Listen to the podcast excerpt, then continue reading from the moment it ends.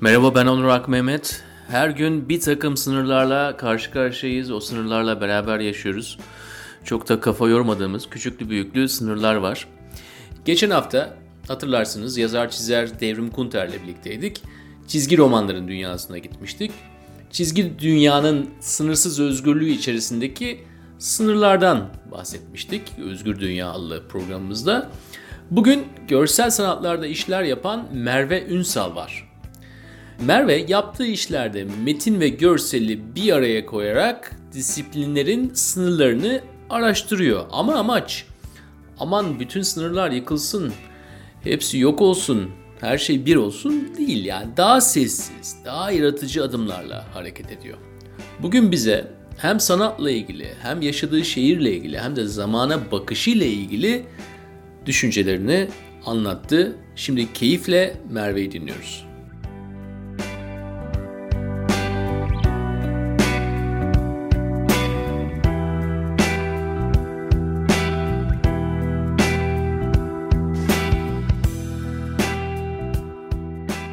Yaklaşık 5 sene önce İstanbul'a taşındım. 9 sene boyunca Amerika'da önce üniversite eğitimim için New Jersey'de daha sonra da 5 sene New York'ta yaşıyordum. Onun için yetişkin olarak İstanbul'da 5 senedir yaşıyorum diyebilirim. Ee, şu anda 32 yaşındayım. Görsel sanatlar ve sanat tarihi eğitimi aldım. Aslında sanat tarihi kökenli bir görsel sanatlar eğitimi aldım. Gittiğim okulda öyle bir e, organizasyon vardı. Onun için fotoğraf üzerine yoğunlaştım. Karanlık Oda ve Siyah Beyaz Şehir fotoğraflarıyla yola çıktım. Ondan sonra da e, yüksek lisans ve daha sonraki dönemlerde de metni iş olarak kullanan yani sanatçının yazdığı metnin hani edebi bir metin değil de bir görsel iş olarak nasıl kullanılabileceği gibi şeylerle ilgileniyorum. Onun için metin, görsel, görselsizlik, haber görselleri gibi şeyler ve arşivler üzerine çalıştığımı söyleyebilirim. Herhalde de bu yola girmiş olmam da bir işte 7-8 sene gibidir. Belki daha şu andaki pratiğimle ilişkilendirdiğim şeyler bir 7-8 senelik diyebilirim bir sanata o çok çocukluğundan yatkın olan insanlardan olduğumu düşünmüyorum. Tek hani şu anda da ilişkilendirebildiğim belki geçmişimle her zaman okumaya ve bir şekilde e, bir merak ve kendi belki iç dünyasında yaşamaya daha fazla bir tandansım olduğu için o evet bir şekilde belki sanatçı olduğuma karar vermiş zamanında. E, başlangıcım nasıl oldu? Dediğim gibi sanat tarihinden başladım. Ondan sonra muhteşem bir fotoğraf hocasıyla tanıştım. Fotoğrafla zaten bilgim vardı. Birazcık fotoğraf üzerinden ve imge üretimi üzerinden hiçbir zaman stüdyo pratiğim olmadı. Hiçbir zaman hani bir e, o anlamda deneysel bir pratiğim olmadı. Birazcık daha hani araştırmayla görsel üretiminin üzerinden beslendiği böyle bir hibrit bir pratiğim olduğuna inanmak istiyorum.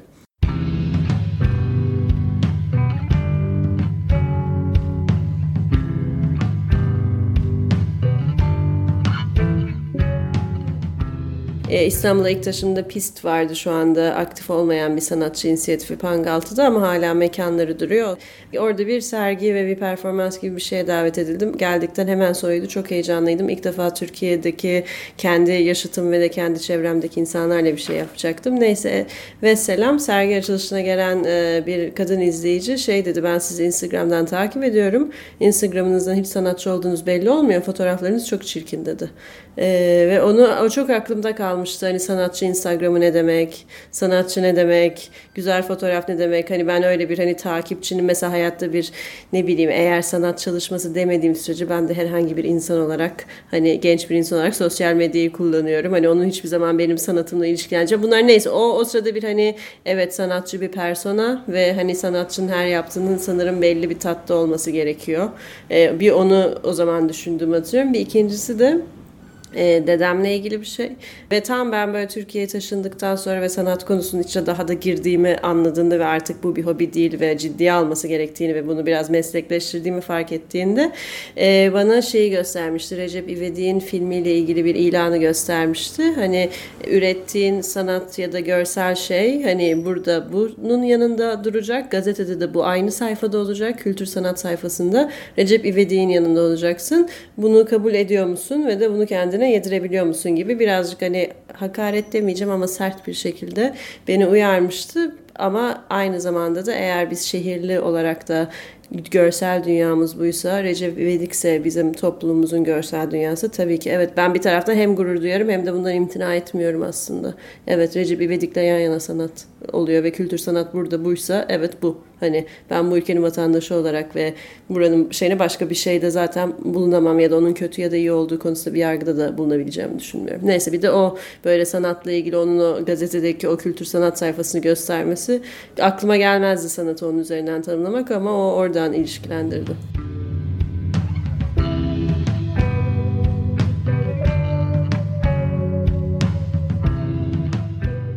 E, görsel sanatlar bence bir düşünme biçimi. Yani eğer mesela bir yazar derse ki bir edebi yazar bir hani ya da bir roman yazan birisi benim yaptığım görsel sanatlar derse bunun bir sürü neden olabilir. Olabilir. Tam tersi aynı şekilde de hani bir sanatçı yaptığının görsel olmadığını düşünüyorsa ya da mesela bir fotoğrafı gazete fotoğrafçılığı mı sanat mı konusu çok sık konuşulan konulardan biri. Bence bu tamamen niyetle ilgili ve bence bizim de e, izleyiciler olarak, okuyucular olarak ya da herkes olarak bunları tüketen kişiler olarak e, niyete ve de yapanın e, söylediğine inanmamız gerekiyor. Onun için hani bizim o niyete saygı duymamız hani size hitap etmez ama görsel görsel sanattır. Benim görsel sanat algım böyle.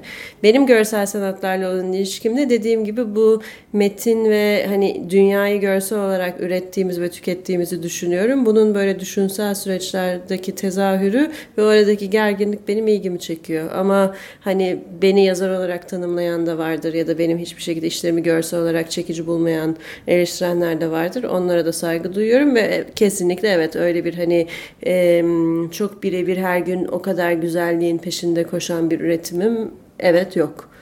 Benim en azından sergileme pratiğimde gördüm. Kimin ne konuda ne tepki vereceğini e, affedersiniz belki bu caiz bir tabir değil ama hani hödük izleyicinin kim olduğu da hiçbir zaman belli olmuyor. Sanatı ben toplumun bir parçası olarak görüyorum. Hani bazen bir çıban gibi olabiliyorsunuz bu dokunun içerisinde ve bir şeyi rahatsız ediyor ve de kaşındırabiliyorsunuz.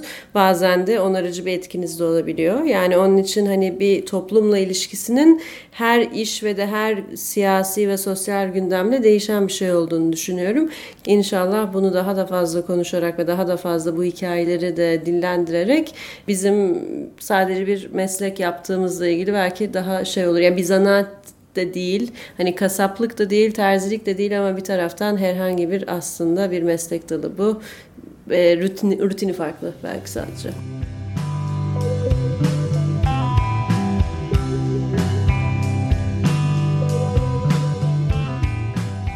Ben en azından kendi adıma söyleyeyim var olduğunuz toplumdan ne kadar farklı olabilirsiniz? Yani beni şu anda Türkiye'de de en çok endişelendiren şeylerden biri sokaktaki şiddet yani bir, bir dil olarak dün bir arkadaşım bahsediyordu sokaktaki birine yardım ettiğini ve de yaralanmış birine ve de onun ne kadar başkalarının buna şaşırması ve sokaktaki herkesin neden yardım ediyorsun ki bir şey vermesi ve biz onu yaptığımız anda zaten ve bir toplumsal çöküş başladığı anda zaten sanat nasıl bir şey olabilir ki, hayati görevi olabilir ki biz eğer insanlığımızı ya da vatandaşlığımızı kaybettiysek. Yani orada da sanatı da o kadar o anlamda önemsememek lazım. Yani günlük hayat, günlük hayatın şiddeti, şiddetsizliği var olmaları en önemli şey.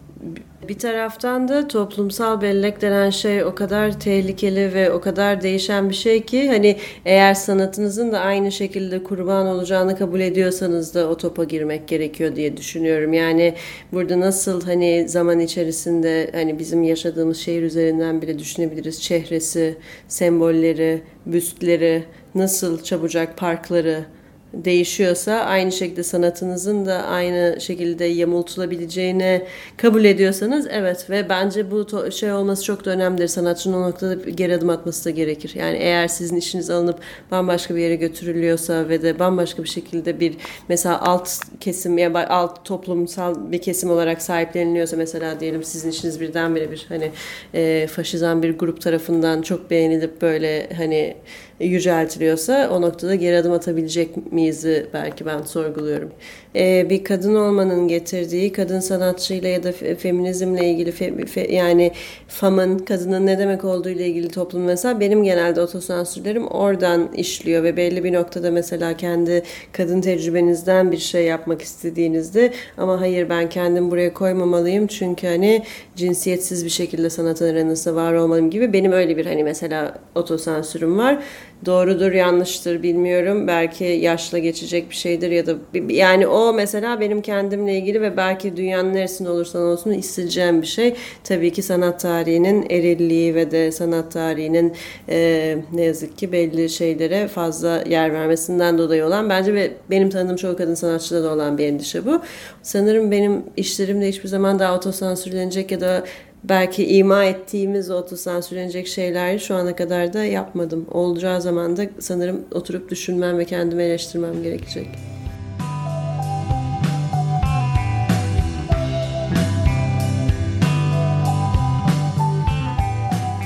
E, sosyal medyanın özellikle 2011'deki Arap Baharı'yla birlikte olarak belki hani e, bence hayatımızdaki rolü çok değişti ve gerçekten de çok önemli siyasi ve toplumsal hareketlere aracı olduğu için bu sosyal medyanın inanılmaz önemli bir yeri olmuş olduğunu düşünüyorum ama bir taraftan da bizim siyasi olarak varoluşumuzda zayıflatan bir boyutu da var. Çünkü bazen şeyi kendimde de gördüğüm için bunu hani bir şeyi orada söyledikten sonra yoluma devam edip yürümeye devam edebiliyorum ama bir taraftan da belki bundan 20 sene evvel olsaydı bir gazetenin kapılarını aşındırıp bir köşe yazısı yazmaya çalışıyor olacaktım ya da bir şekilde bir pankart açıyor olacaktım sokakta. Hani aslında körler sağırlar birbirine ağırlar da bir durum var. Sosyal medyadaki hemen hemen herkes bir şekilde sizle ilişkili insanlar. Böyle kendi kendinize konuşuyorsunuz. Onlar da kendi kendinize cevap veriyorsunuz ve de e, ondan sonraki aşama nedir? Yani sokaktaki ya da yine hiçbir şekilde dış dünya ile ilişki kurmamış oluyorsunuz. Oradan biraz şüpheliyim ama e, Türkiye'deki bile, Türkiye özelinde bile hani Gezi Parkı ve olmuş olan şeylerde hani inanılmaz bizim hayatımızı değiştiren bir şey oldu. Yani benim kuşağımın sosyal medyada Gezi öncesi ve sonrası olarak ayrılan bir hayatımız var. Ve sonra da tabii Gezi'de önemli olan bence onu bir şekilde sosyal medyada ya da sanal olarak tecrübe ettik. Sonra bizzat da tecrübe ettik ve işte tanımadığınız bir insanın size yardım etmesi ya da bir fikir ortaklığınızın o yani etrafımızda yürüyen, etrafımızda duran insanların kim olduğunu ilk defa ben ben en azından kendim ilk defa o zaman düşündüm. Hani bu insanla ben aynı ülkenin vatandaşıyım. Aynı kaygıları paylaşıyorum. Aynı hak ihlallerinden muzdaribim ve bu çok önemliydi. Ve e, onu ben kendimi inanılmaz derecede bir yere ait hisse, hayatımda o kadar bir yere ait hissettiğim bir an olmamıştı. Onun için de bence bizim bizi dönüştürdü.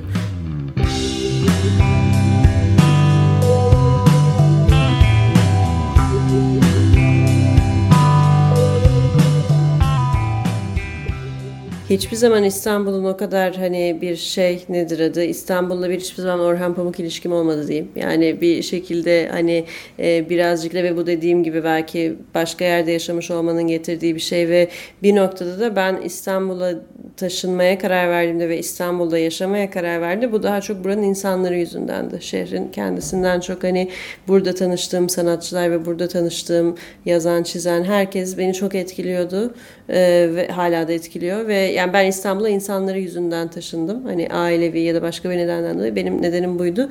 Şu anda da bu insanların inanılmaz derecede ezildiğini ve sıkıştığını gördükçe yine aynen bu insan yani insan ilişkilerinin zedelenmesinden dolayı da şehre kızgınım. O yüzden de ve şehrin bir şekilde e, çok haşinleştiğini düşünüyorum. E, ama bu değişebilir mi? Şehirler çok hani hızlı değişen yaratıklar, organizmalar. Onun için belki de hani bir taraftan hani tabii ki içimde de bir umut var bunun başka bir yere gideceğine dair. E, ama şu anda şehir bana çok sert davranıyor gibi geliyor ki ben şehrin belki en hani iyi koşullara sahip e, sakinlerinden biriyim bir sürü nedenden dolayı.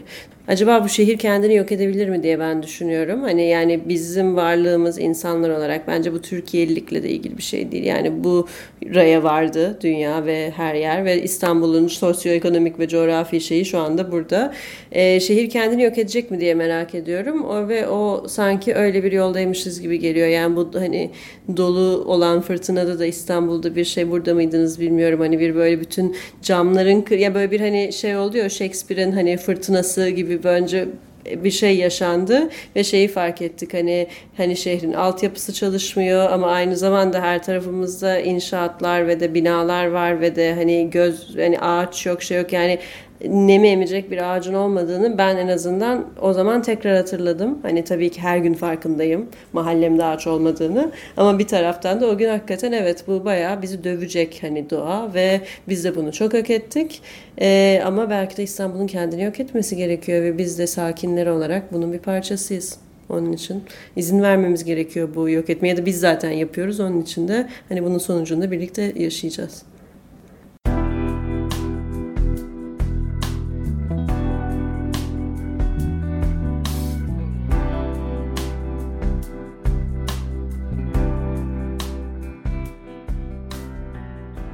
İstanbul bile bay bay deyip bir gün gidebilir.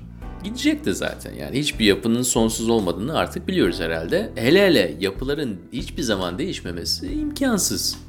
Bize ne düşüyor derseniz eğer olduğu gibi kalması değil hiçbir yapının olduğu gibi olabilmesini sağlamak. İstanbul gibi bir şehirden bahsediyorsak da onun hayat diliminin bizden çok olması bizim ona iyi bakmamız gerektiğini gösteriyor. Bir tür ataya saygı gibi düşünün bunu. Bakmak. İyi, iyi bakmak. İyi bak. Bak ki gör. Gör ki hisset. Sonrası sana kalmış. Evet 11-18'den iyi haftalar. Gelecek hafta bir başka programda görüşmek üzere.